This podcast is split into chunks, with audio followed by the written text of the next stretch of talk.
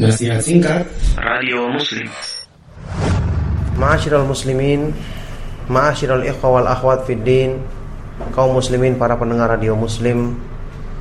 Alhamdulillah Allah subhanahu wa ta'ala Dengan taufik dan karunia-Nya Senantiasa melimpahkan berbagai macam kebaikan dan nikmatnya kepada kita semua. Yang dalam rangka mensyukuri nikmatnya Dalam rangka memuji dan mengagungkan kebesarannya atas semua limpahan karunia-Nya kepada hamba-hambanya. Kita hendaknya selalu mengingat besarnya keutamaan nikmat mengenal jalan Islam dan mengenal jalan sunnah Nabi Shallallahu Alaihi Wasallam yang sungguh dengan ini Allah Subhanahu Wa Taala sempurnakan nikmat bagi hamba-hambanya. Allah berfirman dalam Al-Quran laqad manallahu 'alal mu'minina idh ba'atha fihim rasulan min anfusihim yatlu 'alaihim ayatihi wa yuzakkihim wa yu'allimuhumul kitaba wal hikmah. Sungguh Allah telah memberikan anugerah yang besar kepada orang-orang yang beriman ketika Allah mengutus kepada mereka seorang rasul dari kalangan mereka sendiri. Yang tugasnya rasul adalah membacakan kepada mereka ayat-ayatnya mensucikan, membersihkan diri mereka dari kotoran-kotoran hati, penyakit hati, penyakit hawa nafsu, keburukan hawa nafsu dan mengajarkan kepada mereka Al-Qur'an dan hikmah. Perhatikanlah ayat yang mulia ini merupakan kabar gembira bagi mereka-mereka yang dibukakan hatinya untuk semangat mempelajari sunnah Nabi Shallallahu Alaihi Wasallam bahwa dia telah mengambil bagian besar dari anugerah Allah Subhanahu Wa Taala yang sungguh ini merupakan anugerah terbesar bagi manusia yang dengan ini akan sempurnalah hidayah Allah Subhanahu wa taala kepada seorang hamba yaitu hidayah mengenal Islam dan dalam Islam dia mengenal jalan kebaikan, jalan sunnah Nabi Shallallahu alaihi wasallam. Oleh karena itu sebagian dari para ulama uh, ulama ahlu sunnah ada yang mengatakan nikmatani la adri ayyuhuma a'zam al-islamu was sunnah dua nikmat yang aku tidak tahu mana yang lebih besar di antara keduanya yaitu nikmat mengenal jalan Islam dan mengenal jalan sunnah Nabi Shallallahu Alaihi Wasallam. Sebagian dari para ulama ahlu tafsir, yakni Syekh Abdurrahman As-Sa'di dalam tafsir beliau menyebutkan sewaktu menjelaskan makna firman Allah Subhanahu wa taala, "Ihdinas siratal mustaqim." Tunjukkanlah kepada kami jalan yang lurus maka beliau menyebutkan ada dua hidayah yang dibutuhkan oleh manusia. Ada yang namanya hidayatun ila sirat hidayah kepada jalan yakni hidayah mengenal Islam agar bisa mengetahui jalan yang membawa kepada ridha Allah. Kemudian di dalam jalan Islam kita butuh hidayah yang kedua yaitu hidayatun fis sirat.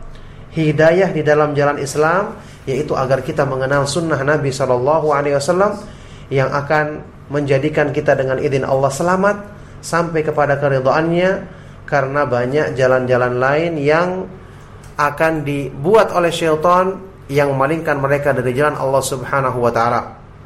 Allah berfirman dalam Al-Qur'an, "Wa anna hadza sirati mustaqiman fattabi'u wa la tattabi'us subula fatafarraqu bikum an sabilih, dzalikum wasaqum bihi la'allakum tattaqun." Dan bahwasanya inilah jalanku satu-satunya yang lurus. Jalan Allah yang lurus cuma satu.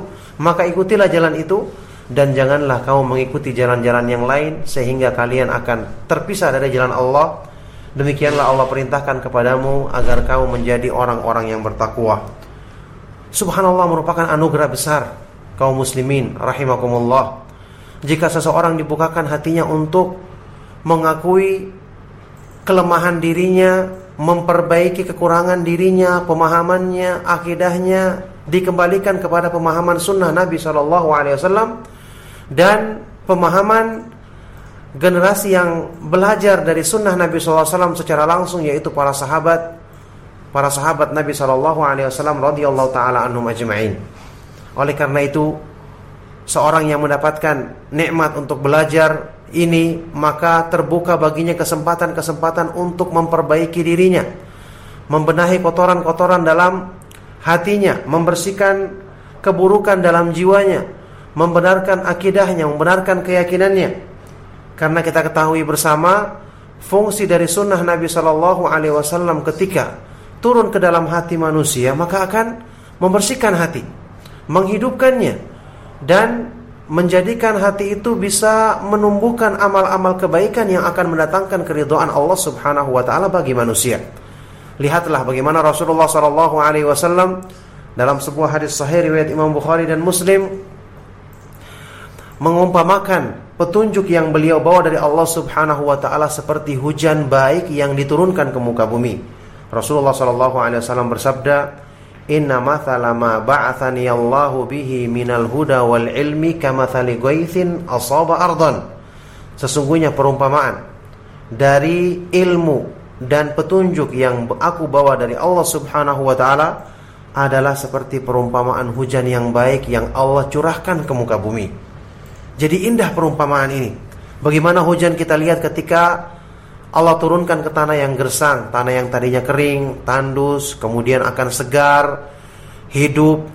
Bahkan sebagian tanah ada yang bisa menampung air. Tanah ini juga menghidupkan tumbuh-tumbuhan, menghidupkan binatang untuk minum, bahkan untuk manusia. Tanah ini juga akan menumbuhkan berbagai macam kebaikan-kebaikan bagi makhluk hidup di situ. Maka inilah fungsi wahyu. Ketika turun ke hati kita yang gersang, hati kita yang tadinya sulit untuk tumbuh kebaikan padanya, hati kita yang sulit untuk memancarkan keimanan yang benar dengan fungsi dari wahyu Allah Subhanahu wa taala semua ini akan terasas teratasi, perbaikan-perbaikan akan nampak. Oleh karena itu inilah kemuliaan yang agung yang hendaknya diusahakan oleh orang-orang yang beriman mempelajari ilmu sunnah akan memperbaiki lahir dan batin mereka. Makanya Imam Ibnu Qayyim rahimahullah taala sewaktu menyebutkan makna secara umum dari sabda Nabi Shallallahu alaihi wasallam dalam sebuah hadis yang mutawatir diriwayatkan dalam banyak kitab-kitab hadis dan disahihkan oleh banyak ulama ahlu sunnah. Dari beberapa orang sahabat Nabi Shallallahu Alaihi Wasallam ada Zaid bin Thabit dan yang lainnya Rasulullah SAW bersabda Nadarallahu mra'an Sami'a minna syai'an Riwayatin Sami'a maqalati Fawa'aha wa hafidhaha Thumma addaha kama sami'aha. Semoga Allah mengelokkan, mengindahkan rupa, mencerahkan wajah seseorang yang mendengarkan ucapanku, hadisku, kemudian dipahaminya, di, dipahami kandungannya kemudian disampaikannya sebagaimana didengarnya. Hadis ini adalah hadis yang sahih yang menggambarkan keindahan rupa orang-orang yang mempelajari ilmu sunnah yang diterangkan oleh Ibnu Qayyim rahimahullah taala keindahan rupa yang dimaksud adalah kebaikan pada fisik yang merupakan pancaran dari kemanisan iman yang mereka rasakan dalam hati keindahan rupa yang merupakan pancaran dari kebaikan dalam batin yang ada dalam diri mereka. Apa buktinya atau apa dalilnya? Dalilnya adalah firman Allah Subhanahu wa taala tentang keadaannya penduduk sorga. Allah berfirman tentang mereka, "Ta'rifu fi wujuhihim nadratan na'im." Kamu akan mengenali pada wajah-wajah penduduk sorga nadrah, kecerahan yang merupakan pancaran kenikmatan yang mereka rasakan dalam hati. Jadi keindahan pada fisik itu adalah timbul dari pancaran kebaikan dalam hati manusia. Ini yang didapatkan oleh orang yang belajar ilmu sunnah, memahaminya, kemudian mengamalkan dalam dirinya. Dalam ayat lain Allah Subhanahu wa taala berfirman, "Fawaqahumullahu syarra dzalikal yaumi wa laqahum nadratan wa surura." Maka Allah Subhanahu wa taala menjaga mereka dari keburukan hari kiamat, bencana azab di hari kiamat, Walakahum dan Allah menganugerahkan kepada mereka nadrah, kecerahan, keindahan pada fisik, wasururo dan kegembiraan dari dalam hati.